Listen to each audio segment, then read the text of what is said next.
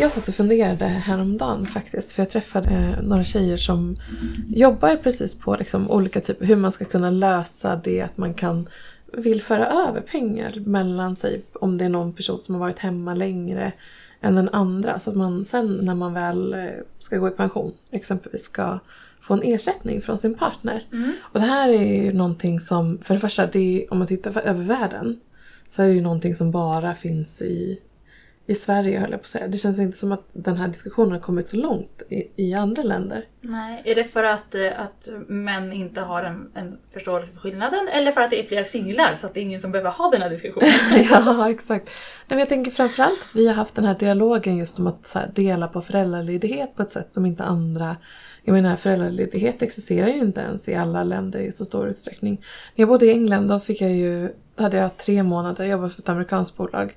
Eh, men eh, jag kommer inte ens ihåg om det var, e- det var ersättning från staten, det var ingenting från arbetsgivaren exempelvis. Medan här så är det många arbetsgivare som kompenserar, i alla fall större bolag, eh, sina anställda och toppar upp liksom, eh, om man är föräldraledig och så. Det, är sån, det påverkar ju verkligen eh, den pension man till slut får. Mm. Vi har ju med oss Susanne Eliasson i det här avsnittet. Har du tänkt på din pension förresten?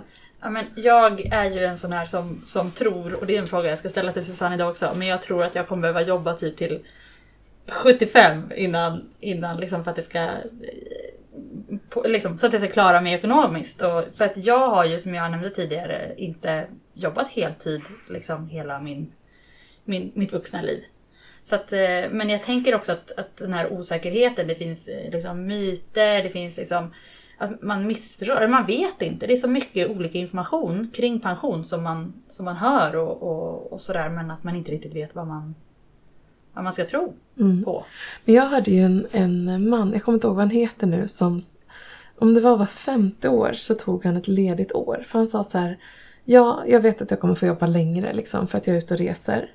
Men det är nu jag är ung och fräsch och härlig och kan uppleva alla de här platserna och göra alla de här sakerna. Så att jag vill hellre liksom fördela pensionen då, något år här, något år där, under mina yngre år. Än att eh, kanske eventuellt sitta ensam och inte komma, på grund av hälsan eller någonting, inte kunna komma iväg på alla de där äventyren. Så det finns ju många, man kan ju faktiskt vrida och vända på det och det låter ju som att du har lite äventyr instoppade mellan Mellan arbetserfarenheterna. varven. Ja men absolut, så jag tänker så här. Susanne, svara på frågan. Måste jag jobba till jag är 75? Måste gemene man jobba till man är 75? Eller vad är det som händer med liksom, pensionen och, och kapitalet, pensionskapitalet? Hur, kommer det, hur ser det ut framåt? Ja, vi har ju pratat lite om det där hur man bygger upp sitt pensionskapital. Just att det fanns de här olika delarna då. Från den statliga pensionen och eh, tjänstepensionen och sen det privata sparandet. Och det är klart att vill man forma sitt liv på lite olika sätt eh, och att man vill resa eller göra avbrott eller studier eller hur man nu vill fördela sin arbets, sitt arbetsliv. Då, krä, då ställs det ju lite större krav på just dig då att du kanske måste starta och ha ett större privat pensionssparande. Då, då. Så att eh, man får liksom täcka upp det där istället. Och där kan man ju gå in och titta och göra, räkna ut på sv.se till exempel kan man få en pensionssnurra där man kan gå in och simulera och se lite vad man behöver spara och eh, hur det ser ut för just mig eller minpension.se.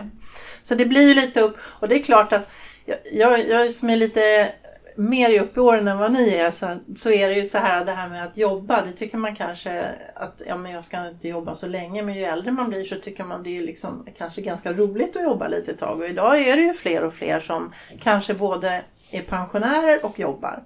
Både och. Bara för att man tycker det är roligt. Så att, och det där är ju lite beroende på vad man har för yrke klart. Om man orkar och om man är frisk och sådär. Men, så att äh, benägenheten att jobba lite till, Mm. den finns efter, efter då kanske man tänker idag att man går i pension vid 65. Ja, men jag tycker det är spännande för min pappa han är ju i pensionsålder strax och han har ju startat företag, ett nytt företag precis. Eh, för att liksom fortsätta att jobba men mer på sina premisser då kan man säga. Så han kan åka iväg och jaga och sådär som han tycker om. Och sen så har mamma och pappa köpt en, en liten så här skruttig segelbåt och ska ta skepparexamen här framåt. Så de lever ändå och det är det vi gör i högre utsträckning när vi blir äldre. Så att man, man kan ju njuta av att kanske kombinera jobb och, och lite mer ledighet eller flexibilitet. Ja men det är ju inte bara det här att vi, vi får ju mer friska år också till åldern mot tidigare så att säga. Så att det, det gäller ju då att, och det är därför man kanske då ska spara lite privat också bara för att man ska kunna förverkliga de här drömmarna med en segelbåt och skepparexamen och nu kan vara för någonting. Mm. Ja men jag tycker det är härligt att se att de ändå lever. Eh, och eh, idag så ska vi lyfta lite myter och det finns ju hur många myter som helst om pension tror jag. Och liksom eh, frågetecken. Eh, men en är ju just om kvinnor och män versus hur mycket pension man får. Vad är det som stämmer där egentligen? Ja, men det är ju så att eh, kvinnor har ju lägre pension än män och förhoppningsvis under resans gång ju fler kvinnor som jobbar mer och mer del, eh, liksom heltid då, då, framöver så kommer väl den där förhoppningsvis då eh, jämnas ut men det kommer ta tid. Det är fortfarande så. och Fortfarande har ju män högre inkomster än kvinnor. Och sen har vi ju då det här med hur man fördelar föräldraledighet och vabbande och sådär. Det, det är fortfarande den här familjebildningsfasen har ju blivit den skillnaden. Men därför är det ju viktigt också att man faktiskt är medveten om det här också när man då bildar familj. Att man faktiskt ser till att man kompenserar den parten som faktiskt tar mer av det här eh, obetalda arbetet eller vad man ska säga. Och då ska man ju se till att det här sparandet också är faktiskt eh, den personens privata sparande också. Beroende på om man är gift eller sambo. Där kommer ju familjejuridiken in i det hela, hur man ska göra. Men hur mycket skiljer det egentligen mellan, mellan det manliga och kvinnliga pensionssparandet idag? Kan man Eh, och nu har inte jag exakt belopp på det faktiskt men det, man brukar ju prata om att eh, kvinnor och män, att kvinnor har kanske ungefär 70 procent av, av, av, den pension som männen har. Och, och sen förhoppningsvis så kommer det här gapet minska liksom. Eh, men fortfarande är det ju så. Mm. Eh, och, det, och det är inte bara pensionsavsättningarna som blir mindre utan det är ju också det här att karriären man har, alltså den här lönekarriären eh, som man har, den uteblir på lite mer sätt då om man då är föräldraledig mycket, det är klart, naturligt. Så det är frågan om det får bli en diskussion vid köksbordet någonstans och liksom där man kan bestämma då ja, hur ska du kompenseras för att jag gör det här eller det här. Det finns vissa som har till och med ett Excel-ark där de brukar, vabbar du så skickar jag så så mycket pengar till ditt privata pensionssparande. Jag så tycker det, det är jättebra så, så är liksom, Vi fixar det här och nu, det här mm. kostar det liksom. Så att det, det, det, finns nog alla varianter, många som tänker att det fixar vi sen men det blir aldrig sen. Nej. Utan det är bättre att göra det här och nu. Mm. Mm. Och det brukar vi prata om de som är utomlands ett antal år också. Det här den som följer med som medföljande part eller någonting som kanske inte kan jobba. Där är det extra viktigt att man ser till att man kompenserar fullt ut då under de åren man är ute. Mm. Just det. Eh, sen kan man ju också höra att vissa säger att de inte tror att man behöver eh, pensionsspara för att det är någonting som, som staten tar, tar hand om. Eh, vad, vad säger du? Nej men där handlar det om att eh, staten ser till det, det här allmänna pensionssparandet, eller eh, allmänna pensionen med inkomstpension och premiepension då. Eh, det kompenserar ju inte fullt ut så att säga utan där får man väl kanske, om man har jobbat 40 år med jämn löneutveckling så kan man få ut någonstans runt eh, ja, 55-60 procent eller någonting sånt där. Och sen kommer tjänstepensionen till det då. då. Mm. Om man nu har det. Och det är klart att ja, det, det räcker väl kanske inte för de flesta vill ha lite mer. Man är van att ha sin 100-procentiga lön så man vill åtminstone ha kanske 80 procent utav den slutlönen man har. Ja, det vet man ju bara hur det är nu i det här ekonomiska läget när, när liksom maten blir dyrare mm. och så. Man behöver verkligen eh, prioritera om även liksom vi som, som arbetar. Så man kan ju bara föreställa sig mm. hur det är när man ska liksom leva på hälften av av pengarna som ja. man är van att leva med. Man brukar ju säga det, när, man, när barnen har flyttat hemifrån då har man ju liksom världens bästa ekonomi brukar man säga. Det blir en stor löneförhöjning liksom, barnen har flyttat ut. Och där om något så har man ju liksom möjlighet att då verkligen spara. Vilket bra tips! Ja, det ska jag, även om jag har barn på ingående så ja, är det... Ja, men det är faktiskt, eh, helt plötsligt så blir det en helt annan kostnadsbild. Och att inte bara leva upp de pengarna då utan faktiskt, för då är man ju ganska nära pension. Tänka lite längre och de som börjar närma sig pension brukar säga försök att leva på det du skulle få i pension. För att känna liksom, känns det här bra? Mm. Det var också ett jättebra tips. Eh, sen en, en annan myt eh, som kan dyka upp är Ligger alla mina pensionspengar eller hela pensionssparandet på börsen? Nej, det gör det ju inte. Den allmänna pensionen då som är grundplattan, det är ju, kan man ju säga, det, ja, man ska inte säga förvaltas, men de pengarna finns ju registrerade och de stiger så att säga med inkomstutvecklingen i samhället. Eh, så den är ju inte alls på börsen då utan det är ju så att säga dagens, eh, de som jobbar idag de ser till att de här pengarna då betalar dagens pensioner. Så att det är liksom ett sånt pay as you go system som man säger. Eh, och sen så räknas det här då upp med olika, en faktor då man räknar ut hur inkomstutvecklingen har varit i samhället. Och sen premiepensionen, det är ju den lilla delen, de där 2,5 procenten. Sen tjänstepensionen, den, det ska ni ju prata om i ett eget avsnitt. Så att, eh, den består kan man ju säga, där kan man ju välja vad man vill, om man vill vara mer eller mindre på börsen. Det finns lite olika alternativ där, men det kanske inte ska gå in på här. Så att allt ligger inte på börsen. Och det privata sparandet, där kan man ju bestämma själv då. då de flesta väljer väl olika typer av fonder med olika risknivåer då. då. Mm. Och också tänka på där, hur, hur gammal är jag och hur, hur många år har jag på mig att spara och, och kunna ta risk efter det. Mm. Eh, hur är det med pensionen då? Måste jag ta aktiva val? Eller vad, vad, vad väljs åt mig och vad väljer jag själv? Ja, inkomstpensionen då var vi ju inne på. Den behöver jag inte välja alls för den är ju som den är. Eh, premiepensionen, där behöver du inte välja. Det finns ett icke-alternativ liksom, som man, som, där man liksom skapar en fond då, då eh, som följer Ja, gör jag ingenting så blir jag, ju äldre jag blir så vid en viss ålder så börjar man liksom göra en omfördelning i den här fördelningen då, mellan aktier och räntor då för att ta ner risken lite. Eh, så där behöver man inte göra någonting. Eller så kan man välja då om man vill ha andra olika fonder i den här. Eh, Tjänstepensionen, där kan man ju ha både en fondförsäkring, eller alltså i fonder, eller så kan man ha en traditionell försäkring där liksom försäkringsbolaget då väljer då placeringar åt mig. Så att eh, det är liksom två alternativ. Men där går ni nog igenom sen när det gäller tjänstepensionen hur den fungerar. Men jag har en annan tanke som jag inte har tänkt på innan. Betalar man skatt på den pensionen man får sen? Ja, det gör man. Så det den är beskattningsbar. Ja. Däremot om du sparar då i, ja, sen beror det på då om du har ett sparande då på ett, ett investeringssparkonto eller fondkonto, beror ju på var du har pengarna eller var du har dina aktier. Då blir det ju en annan typ av beskattning då när du plockar ut. Men det andra är pensionen som sådan, den är ju inkomstbeskattad. Mm, men det är som föräldrapeng också i och för sig. Ja precis. Mm. Mm. Men hur funkar det då? Så att man, man, man, man har sin lön, man, man skattar på de pengarna. Skattar man på hela summan eller skattar man på det man, liksom vinsten eller vad man säger? Eller man Men du tänker på summan. pensionen som betalas Ja, ut från ja. den allmänna Ja. eller ja men det är vanlig inkomstbeskattning. vanlig inkomstbeskattning? Men sen är det ju lite skillnad, det är många som har säkert mellan de som arbetar och de som är pensionärer. Det har ju varit en diskussion om att det finns en pensionsskatt eller, eller en pensionärsskatt. Eh, och det beror ju på att vi har någonting som heter jobbskatteavdrag. Det är lite tekniskt för de som jobbar får göra en skattereduktion mot sina inkomster. Eh, och det gäller inte för föräldrapenning. Där får man inte göra jobbskatteavdrag emot och inte heller som pensionärsinkomster. Men skattesystemet är ju lite komplicerat för de som är pensionärer har ett förstärkt grundavdrag än vad de andra har. Men nu håller man ju på att jobba bort den här skillnaden mellan att vara pensionär och att arbeta. Så att säga. Men i nuläget så, Det finns en liten, liten skillnad när det Ja. gäller pensionärsskatten. vilket gör att pensionärerna betalar lite mer skatt då?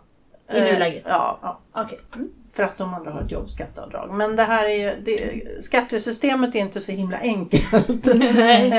Och hur man har laborerat det här. För det har ju funnits någonting som heter att det ska löna sig att arbeta och därför har man haft en skattereduktion, vilket inte då pensionärerna har haft. Ja. Mm. Men i grund och botten så är inte skatteskalorna annorlunda utan det är grundavdragen som är annorlunda och det här jobbskatteavdraget. Just det.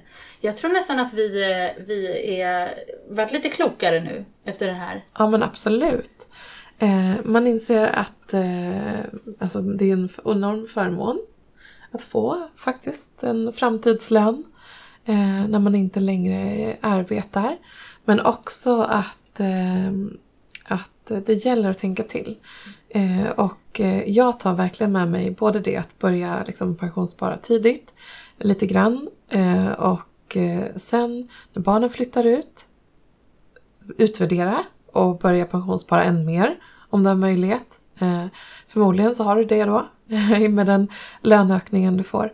Och sen eh, testa att leva på den pensionen du, du sen kommer att få långt innan. Så att du vet ungefär vad du har att röra dig med. Och som du sa det här att det, oftast är det bäst att börja tidigt och pensionsspara för då har man liksom inte, man behöver inte spara lika mycket eh, som man skulle börja kanske vid 55. Så att det finns en stor fördel med att börja tidigt Mm. med en mindre summa. Ja, jätte, jättebra eh, slutord. Eh, tack snälla för att du kom hit idag igen Tack och själva! berättade om pension. Och det vi ska säga är att nästa vecka så har ju vi våra eh, aktieklubbar i Stockholm, Göteborg och Malmö på temat pension tillsammans med SEB. Mm. Så att där kan ni komma och eh, lära er och också kanske ställa frågor som ni vågar ställa av lite mer personlig karaktär som ni funderar på runt hur ni ska tänka.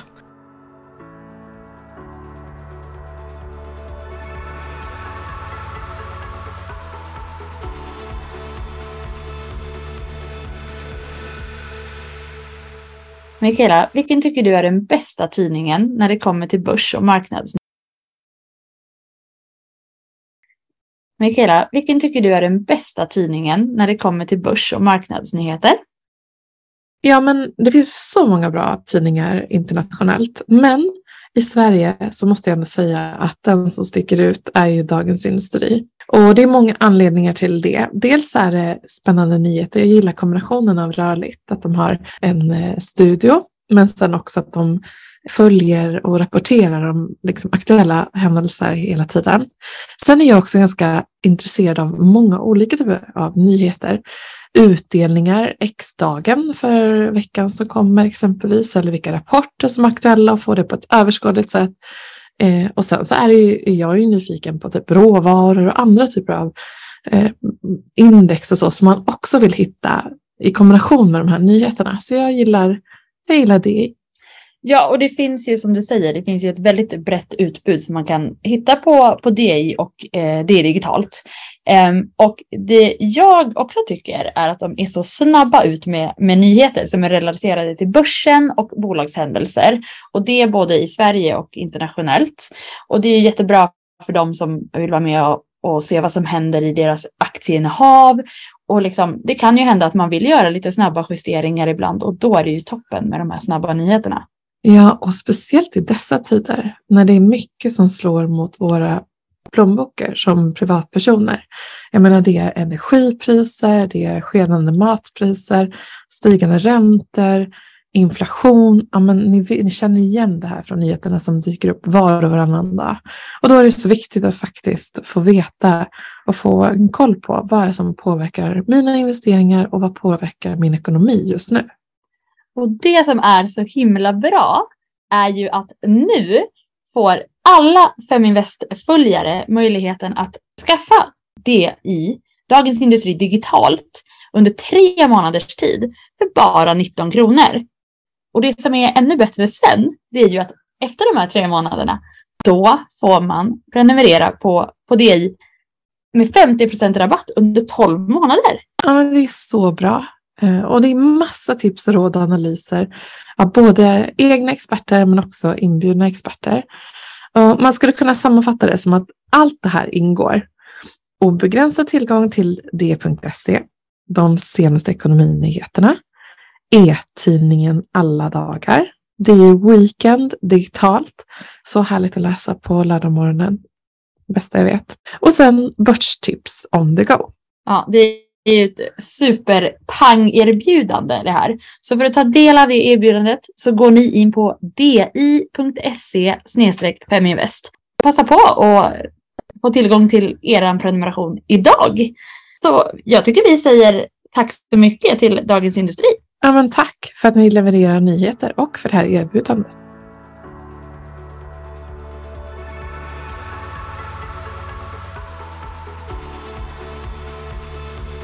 Ja, men idag har vi faktiskt tagit en snabb tur över Atlanten för att träffa en entreprenör som förvisso kommer från Sverige men som bor i New York. Och eh, idag så kommer ni möta Andrea Nerep som har grundat ett bolag eh, efter att ha haft många års erfarenhet och jobba med startupbolag, med tech, med marknadsföring. Så till slut så landade hon i eh, att grunda bolaget Petsby. Och jag ska säga att de har en halv miljon användare. Och då tänker ni, vad är det för bolag som har attraherat så här många användare? Jo, men det är ett, eh, ett community för husdjur. Ja, men till exempel så här, vad skulle ditt husdjur säga om den kunde prata? Jag menar, Andrea, den opening-frågan öppnar upp för så mycket spännande samtalsämnen. Men också spännande tankar om varför du grundade det här bolaget. Så kul att du är med i FMS-podden. Hej, kul att vara här. Det är väldigt exciting. Um, du och jag, Mikaela, vi brukar inte heller prata djur. Har du, har du haft några husdjur? Ja, jag har haft en norrbottenspets i familjen, en hund. Eh, som, eh, ja, sen, vi hade typ lite katter när vi var mindre och kaniner och sådär också. Men eh, det är hunden som har gjort ett starkast intryck ändå. Förmodligen för att den var med under så många år. Du är hundmänniska, jag är kattmänniska. Jag växte upp med min fantastiska katt Moses som varit som en bästa mm. vän till mig. Men du då Andrea, vilket är ditt favoritdjur? Kan du välja liksom bland alla dessa äh. varelser? Nej, jag, jag tror jag gillar alla djur. Jag gillar hundar och katter lika mycket och jag älskar fåglar och reptiler också. De tycker jag är jätteroliga. Vad spännande. Har du några hemma? Nej, eller alltså jag har en hund men ingen fågel eller något. Men jag, men jag kommer vilja ha en i framtiden. En sån här. Det var inte du, det var inte du som släppte loss ormen på Skansen? jag älskade den sorväs. Och det som bäst är typ så här, det blir verkligen så en stor nyhet i Sverige. Då tänker man ändå att då bor man i ett rätt bra land när det blir den stora nyheten. här, då har ju folk rätt bra. Surväs har ringt. Jag hade liksom politiska ministrar som skrev på Twitter såg jag så här, vågar man gå ut? mm. Har de hittat honom än? Ja, de gjorde ju det till slut. Eh, ja. Så på den helgen efteråt, då vågade jag mig också ut på Djurgården igen. Då var, då var det fritt fram. Nej, kan, inte du, kan inte du, Andrea, berätta lite mer om, om den här kärleken som du har till, till djur? Det är svårt att förklara, men äh, alltså, djur är, vad ska man säga, de är väldigt gedigna och komplicerade. De har inget äh, ego så som vi människor har och de, jag tror inte vad jag kan anta. Jag tror inte de går och funderar på meningen med livet och sådana där saker heller. Så eh, jag vet, det är någonting väldigt avslappnande med djur. De är så söta och, okomplicerade och bara fantastiska. Eh, jag blir jätteglad av att umgås med djur. Och, ja. Men det är ändå ett steg att liksom verkligen älska djuren och att faktiskt starta en community för djuren. Kan du berätta hur allting började? Jo, men så här var det. Ehm, så mina gamla grannar, de kunde inte behålla sin hund när de skulle flytta. Så jag tog över honom, Angus, eh, och, och, tog honom till New York. Och eh, det, var som att hela min värld förändrades. Såklart helt besatt av honom. Och ehm, eh, alltså, det finns liksom ingen stund där han inte är jättesöt. Alla angles, typ man bara, från sidan och svansen, det är så här, trynet, han är så söt. Så man tar videon och foton hela tiden och sen så såklart, jag har rätt mycket fantasi så jag tänkte så här vad han låter som, om man skulle prata, vilket jobb man skulle ha. Man skapar en väldigt tydlig röst för honom. Och sen när jag umgicks med andra djurägare eller hundägare, då blev det i New York, så märkte jag att det här är rätt vanligt. Så min kompis Betty, hon har en pomeranian som heter Betty också.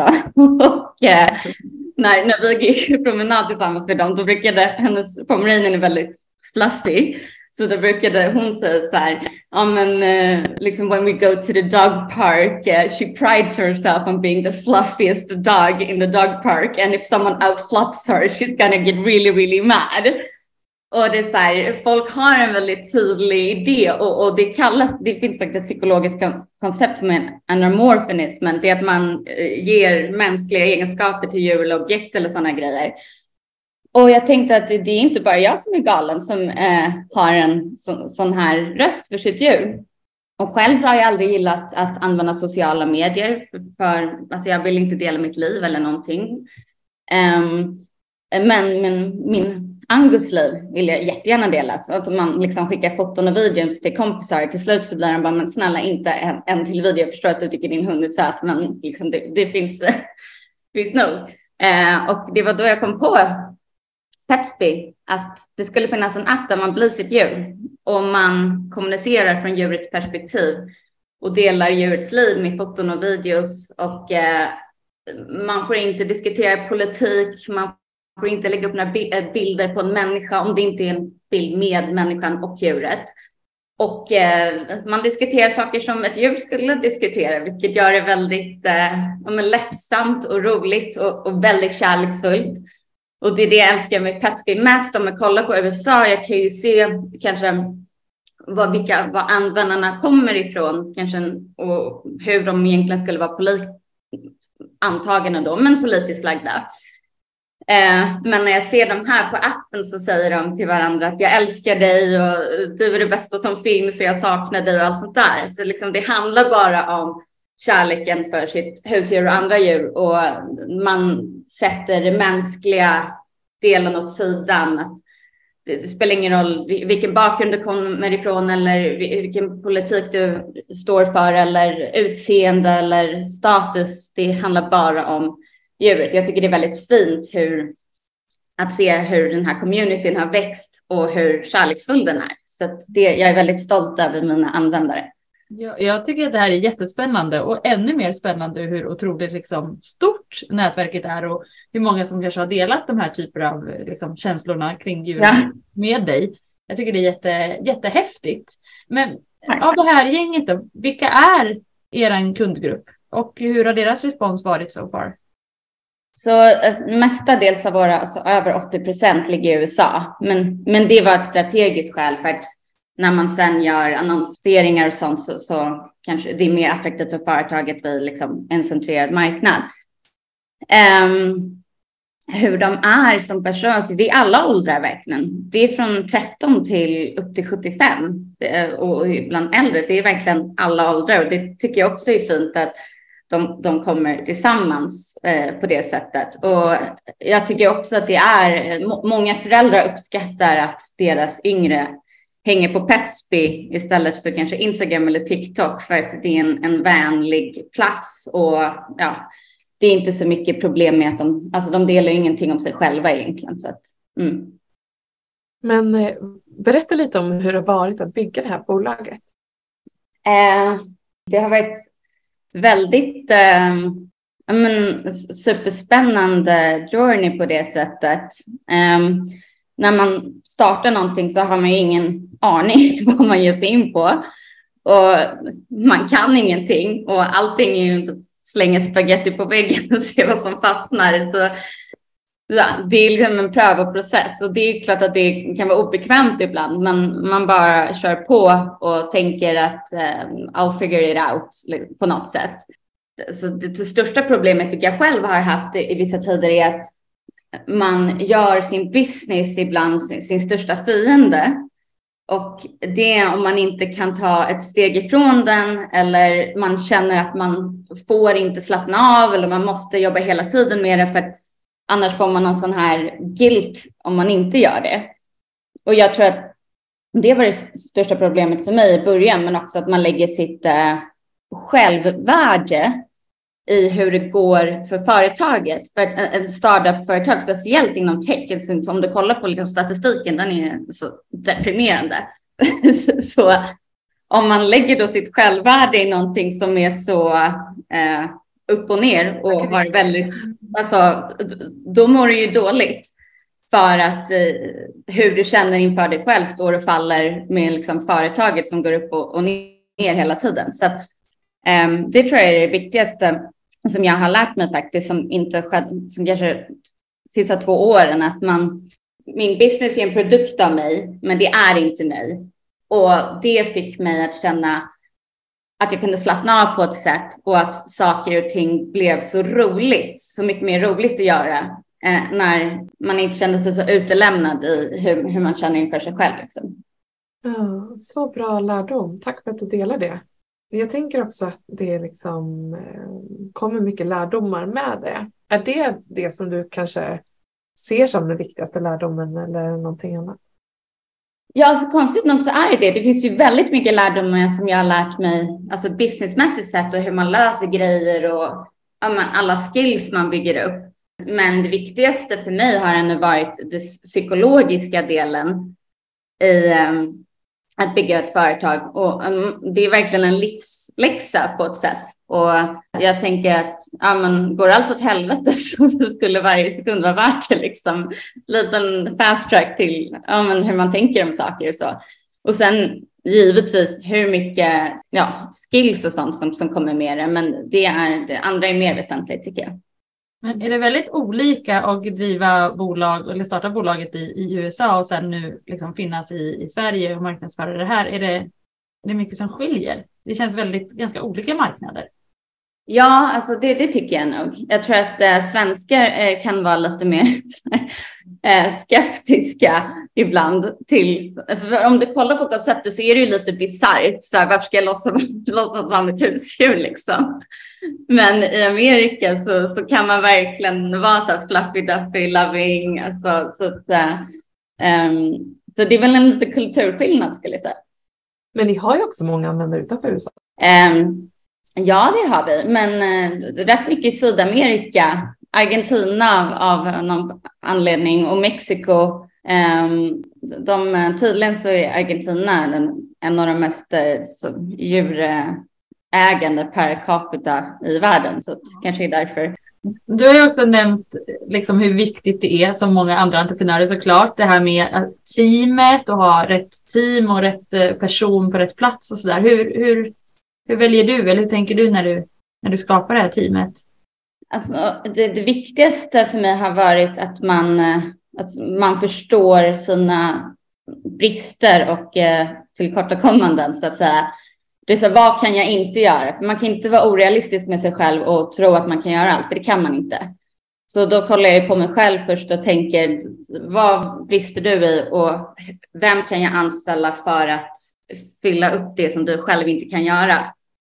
Och, och det kan ju eh, också, eh, du behöver nödvändigtvis inte gilla människan du anställer så mycket i början. Det kan ju vara någon som man initiellt tycker att det kanske inte skulle hänga med på fritiden, men det spelar ingen roll. Det handlar om att de har en kunskap och sen umgås man mycket så börjar man alltid gilla med varandra eh, till slut ändå för att man respekterar varandra så mycket och man lär känna varandra. Men eh, som entreprenör ser man ju gör lite allt möjligt. Det, det är liksom det. Så att då måste man anställa folk som har en specialitet, alltså en specialty. Så att många som jag jobbar med, det så här, de kan inget annat än bara det som de är anställda för, vilket ibland är frustrerande, för då kan man aldrig lita på dem att göra någon annan uppgift. Men eh, så får man dra det lasset själv. Men de är jätteduktiga på en sak och det gör de toppen. Som min Chelsea då min närmaste som kom in 2019. Det är tack vare henne som vi växte så snabbt. Hon är helt grym på marknadsföring. Hon har 13 husdjur själv. Oh, wow. Alltså, hon bor i ett hus, hon bor inte i New York, hon bor i Kalifornien. Hon har 13 husdjur. Alltså, helt, alltså djur i hennes liv och sociala medier i hennes liv. Så Petsby för henne var liksom eh, den perfekta matchen. Mycket material helt enkelt. Ja, ja, ja.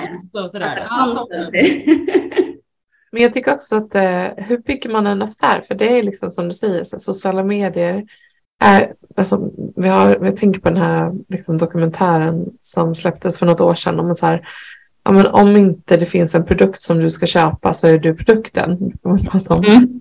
Hur tänker du runt att bygga affär på, på det här communityt? För någonstans vill man ju ändå ha, bygga en hållbar affär.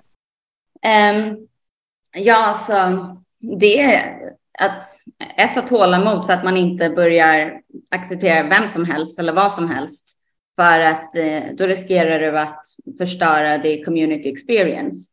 Men um, att välja partners noga och strategiska partners, men också alltså, någon som vill bygga mer någonting med dig långsiktigt.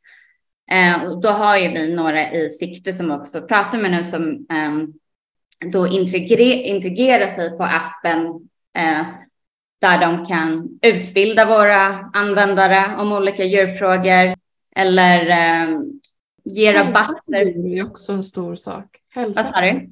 Hälsa för djur är en stor fråga. Precis. Och Och då, att, att man skapar en positiv experience mellan user och de som annonserar eh, genom att ja, men de får någonting av det. Det är inte bara att lägga upp bilder med att man försöker sälja någonting, utan du bygg, bygger top of mind awareness för ditt brand istället. Så, um, men det har ju liksom, ja, det, det har varit många år av att, att säga nej till saker också för att jag tänkte att nej, om vi gör det rätt så, så, så kommer det bli bättre. Um, att, att som sagt inte ta vad som helst. Men hur funkar det rent praktiskt? Har de här katterna och hundarna sina egna medlemskap eller hur? Ja, de har sin egen profil. Man signar upp som sitt djur. Det enda vi frågar då är what's your humans email address? För det måste vi ha. Men resten går rakt in i djurets ja, men, tankesätt. Och sen så har vi då stickers på appen så du kan sätta på dig hattar och kläder och smycken och sånt. Så här. Och sen har vi feelings tag som är typ så här feeling purry eller typ eh, tailwag eller grumpy. Så allt, allt är liksom väldigt djurcentric så att säga. Um, och sen har vi även att du kan prata med veterinärer och sånt. För tillfället så är det en gratisversion, men vi ska lägga till en alltså paid version av vår veterinärtjänst också, där man kan ha eh, videochats och sådana saker. Ja, det, det känns ju som att, eh, att det finns mycket att bygga vidare på här. Det öppnas nya dörrar. Jag hade ingen aning, liksom. Det här är en helt ny värld för mig. Men jag tänker, ni har säkert tusentals planer för framtiden. Hur ser närmsta tiden ut? Nej men vår plan, vi, vi vill ju vara ett ekosystem där allt, alltså den stora planen är att du inte behöver lämna Petsby för att göra någonting djurrelaterat. Du kan shoppa där, du kan fråga veterinärer, du kan eh, lära dig om pet insurance, eh, allt. Men du måste bygga bit för bit, för om du försöker vara allt på samma gång så gör du massa saker men ingenting jättebra. Så att krävs ju väldigt mycket tålamod och då har vi börjat med vissa saker, typ som veterinärgrejen la vi till i år. Eh, vi har även gjort, eh, nu lägger vi till någonting som heter Diggis, vilket gör att när du engagerar dig på appen så kan du få poäng och de här poängen kan konverteras till rabatter på produkter och tjänster från olika företag och sånt. Men det är verkligen steg för steg. Men eh, som sagt, i framtiden ingen ska behöva lämna Petsby för att göra något djurrelaterat. Och i grunden så är Petsby en community där du är ditt husdjur. Men vi kan, det, som jag brukar säga, nu tar jag på engelska, men Alltså, som man är eh, liksom som en tree stem. Man kan branch out och, och bli allt möjligt. Men många företag, de börjar som en gren. Du kan inte bli en community när du har börjat en veterinärtjänst online. Men som en community kan du lägga till vad som helst egentligen. Så länge det ja, makes sense för djuret. Och sen är det också en tacksamt att du har massa djurägare för att de vill ju få hjälp för sitt djur och rekommendationer och produkter och sånt. Och det är inte så, vad ska man säga, liksom invasive när vi säljer till dem heller för att alltså, ja, vi har vi använder inte oss av information på människan och så invasion of privacy som folk har, så, utan det, det handlar ju om husdjuret. Jag tror inte att någon blir eh, liksom offended av att vi vet att de har en labrador eller en, en, en pudel. Det är liksom, det är inte så att de bara oh. Men det är sant, jag har inte tänkt på det. Typ som i Europa så har vi GDPR liksom för människor, men finns det något liknande för djur? Alltså PR, sorry? GDPR, alltså hur man får använda data här i Europa. Jaha, ah, ja, nej men det var ju så sjukt.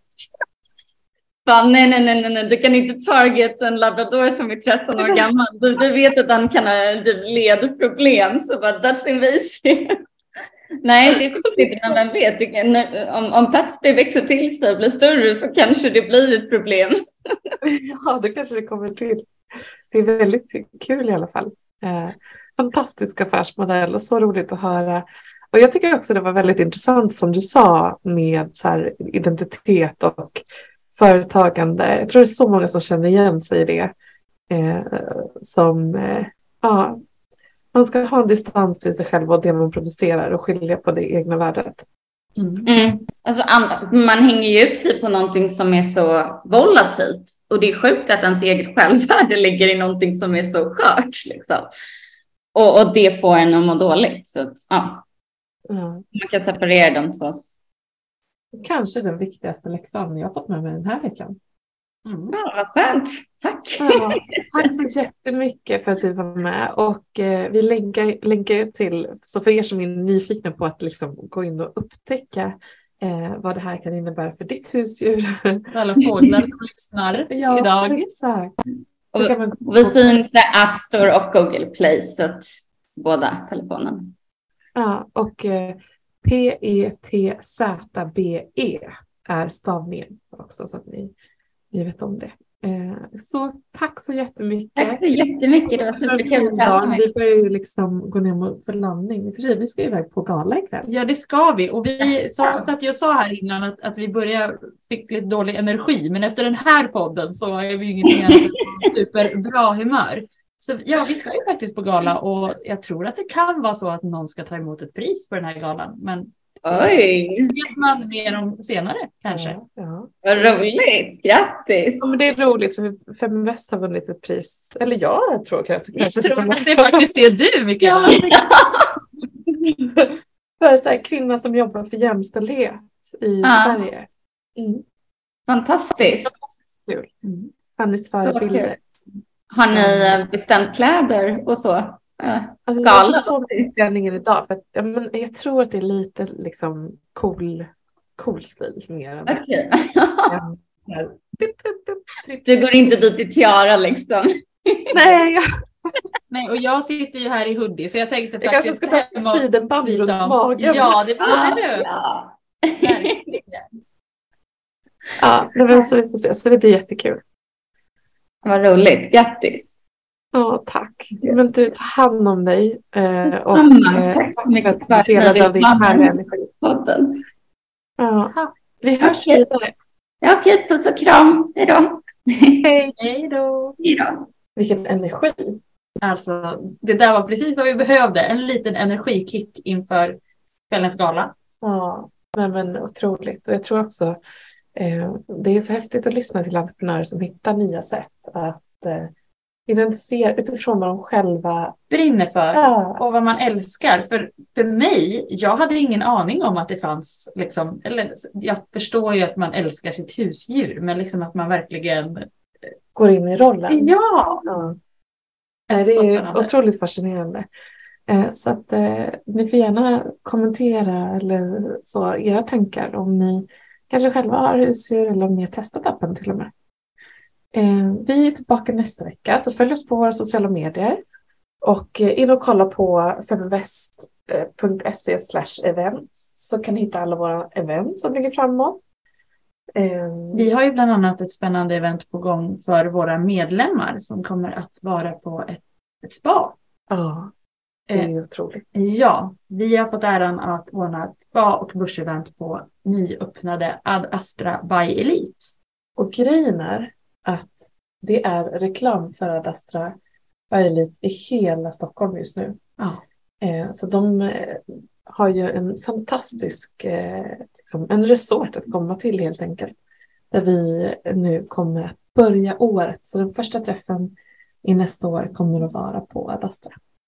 Ja men precis. Och, och vet du vad Mikaela, vi har ju faktiskt fått en, en rabattkod till alla våra eh, lyssnare och följare på det nya Ad Astra-hotellet. Och som vanligt så vill vi ju att ni följer oss på sociala medier. Dela gärna det till alla era tjejkompisar. Mm. Och också in på feminvest.se anmäl er till vårt nyhetsbrev så kan ni få hålla er uppdaterade på vad som händer. Vi har ju förändrat verksamheten under hösten och mer kommer ju hända under våren. Och vi har så mycket spännande olika typer av event på gång. Och, så att eh, signa upp för det. Håll koll på vad vi gör. Bli jättegärna medlem i vår Feminvest Academy. Ja, så hoppas vi att vi ses inom kort. Ta hand om er hörni. Hejdå.